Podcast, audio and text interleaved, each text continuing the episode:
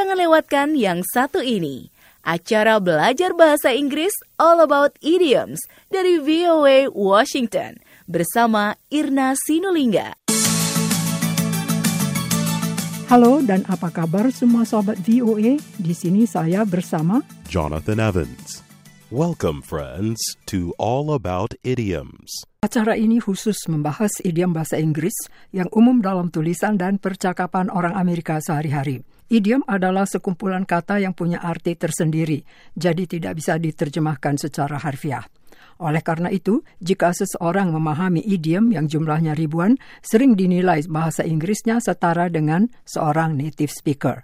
Salah satu idiom yang sering kita dengar atau baca adalah Jonathan. Off the top of my head, Irna.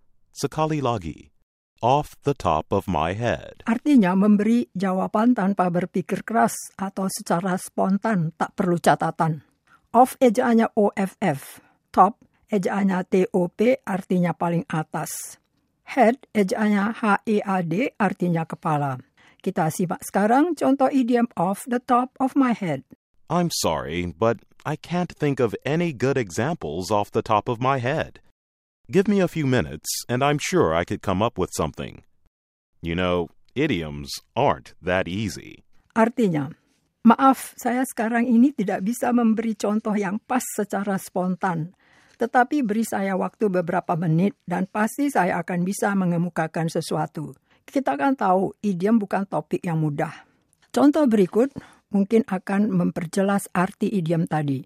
Tetapi di sini kata my diganti dengan her menjadi Off the top of her head. Sekali lagi.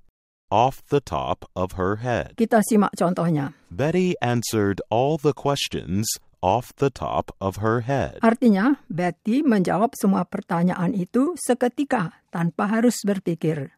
Sinonim idiom yang sama artinya dengan off the top of my head adalah Off the cuff. Sekali lagi. Off the cuff. artinya secara spontan tanpa persiapan.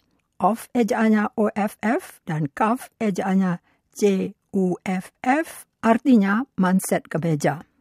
Kita simak contohnya. Some politicians are not very good at giving off the cuff remarks. Artinya beberapa politisi tidak lihai mengeluarkan pernyataan secara spontan. Sekian untuk hari ini.